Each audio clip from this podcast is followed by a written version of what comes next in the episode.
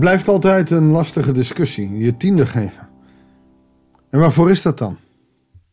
Nou, ook tegenwoordig is dat lastig. Het is niet alleen maar voor de onderhoud van je gebouw. Het is niet alleen maar voor het onderhoud van je voorganger. Er moet er veel van gegeven worden, veel van betaald worden. Een gebouw alleen al kost een hoop. Maar zo zijn er veel uitgaven in de kerk om een kerk in stand te houden. Het is overigens helemaal niet nieuw. Al in de tijd van David werd het gedaan. Al in de tijd van Mozes werd het gedaan. Zelfs in de bepalingen van Mozes werd er gezegd dat je je tiende moest betalen. Ook in de tijd van het herstel in Nehemia is het van immens groot belang dat de tienden worden betaald. Want daarvan kon in ieder geval ook het koor, de zangers die ingesteld waren bij de wet van Mozes, onderhouden worden. De levieten, de geestelijke leiding van het volk. Mensen die bezig waren met de tempeldienst en noem maar op. Die niet in staat waren om een eigen baan te hebben, uh, werden onderhouden door het volk. En dat werd van de tiende betaald. Daar gaan we nu over lezen in Nehemia. We lezen Nehemia 12 vanaf vers 44 tot en met hoofdstuk 13, vers 3. Goedendag, hartelijk welkom bij een nieuwe uitzending van het Bijbelsdagboek. Op die dag, dat was toen de muur als het ware eh, in, in gebruik genomen werd, werden er mannen aangesteld ten opzichters van de voorraadkamers waarin de opbrengsten van de eerste oogst en de tiende bijeengebracht werden. Je moest het eerste van je oogst offeren aan God en je tiende. Namelijk het deel dat volgens de wet aan de priesters en de levieten toekwam. Al na gelang de opbrengst van de rond de steden gelegen akkers. Juda schepte namelijk vreugde in de priesters en de levieten die dienst deden. Ze voldeden trouw aan hun verplichtingen tegenover God en hielden zich aan de reinheidsvoorschriften. Dan moet je weten dat in die tijd dat nogal veel regels waren waar je aan moest houden. Je kon niet zomaar priester leviet, daar had je een opleiding voor nodig en daar had je weliswaar geen scholen voor in die tijd.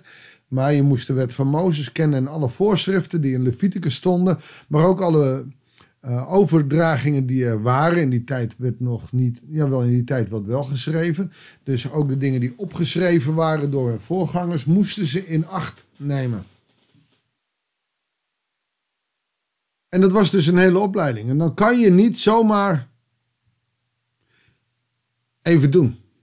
Dan kan je ook niet zomaar naast je werk doen. Ik zie wel eens ehm, collega's die naast hun werk, omdat het een kleine gemeente is, parttime, ook gewoon hun werk hebben. En toch valt dat niet altijd mee. Maar de priesters en levieten, die mogen dienst doen. Het mooie vind ik dat hier ook staat, Juda schepte namelijk vreugde in de priesters en levieten. Ze waren blij dat de eredienst werd doorgevoerd. Dan hoefde zij die kan niet te trekken. Betekende niet dat je er onderuit kwam, dat je God niet moest loven. Maar de, de erediensten, zeg maar, werden geregeld. En zoals ik als voorganger in de gemeente uh, de liturgie maak, de preek maak. Daar hoeft het volk dan niet mee bezig te zijn. Die mogen gewoon naar de tempel toe, naar de kerk toe, om te horen, te luisteren, mee te zingen en mee te doen. Dat deden ook, die reinigingsvoorschrift, deden ook de zangers en de poortwachters overeenkomstig de voorschriften van David en zijn zoon Salomo. In de tijd van David en Asaf, lang geleden, ligt immers de oorsprong van de dienst van de tempelzangers. David vond het belangrijk dat er tempelzangers waren uh, en Asaf ook. En je kan ook zien dat de meeste psalmen van David zijn, maar dat er ook psalmen van Asaf zijn.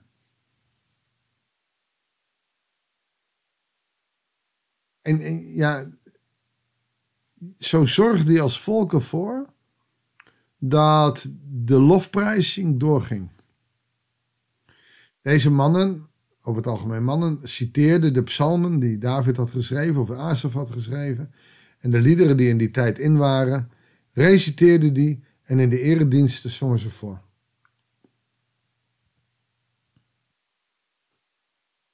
Tijd van Serubabel en Nehemia gaven de Israëlieten aan de zangers en de poortwachters wat zij dagelijks nodig hadden. En ze schonken heilige gaven aan de levieten, waarin ook de nakomelingen van Aaron deelden. Dus de priesters, levieten, de zangers en de poortwachters, die ook niet konden werken omdat ze op wacht moesten staan, werden onderhouden van de tiende. En die tiende werden opgeslagen in de voorraadkamers, waar dan ook weer een bewaker bij stond. Zo werd alles tot in de puntjes geregeld. In die tijd las men het volk voor uit het boek van Mozes. Je moet niet denken dat er één iemand daar even wat voorleest.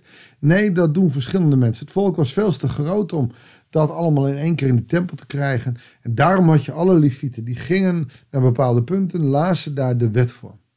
Daarin bleek te zijn opgetekend dat de Ammonieten en de Moabieten nooit of ten nimmer Gods gemeenschap mogen worden toegelaten.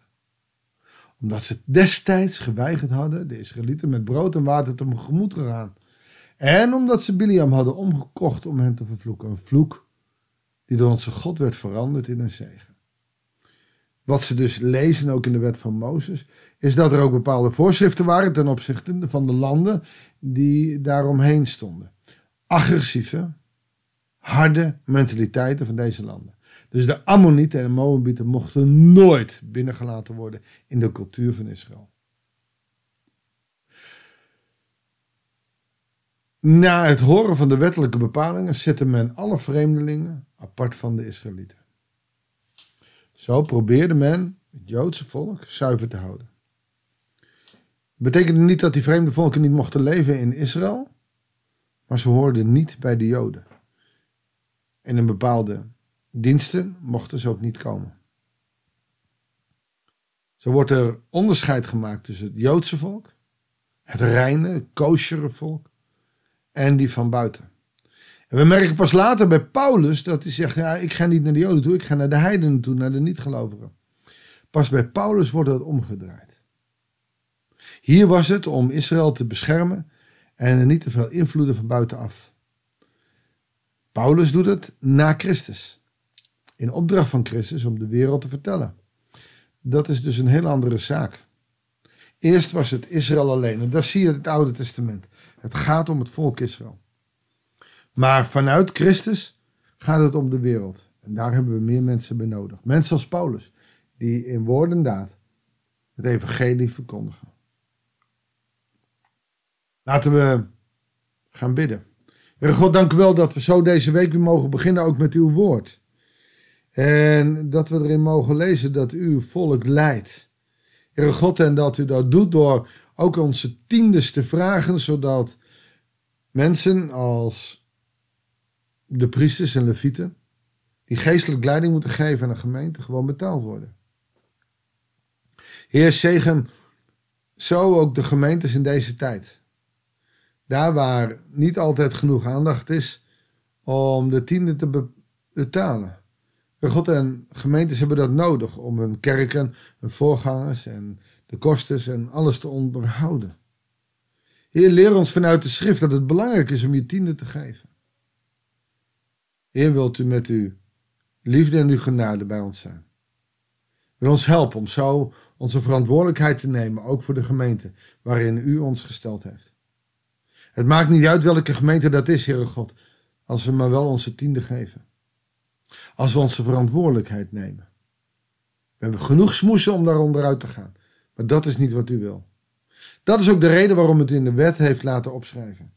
Dat wij onze tiende moeten geven. Heer, leer ons zo naar onze capaciteiten te geven.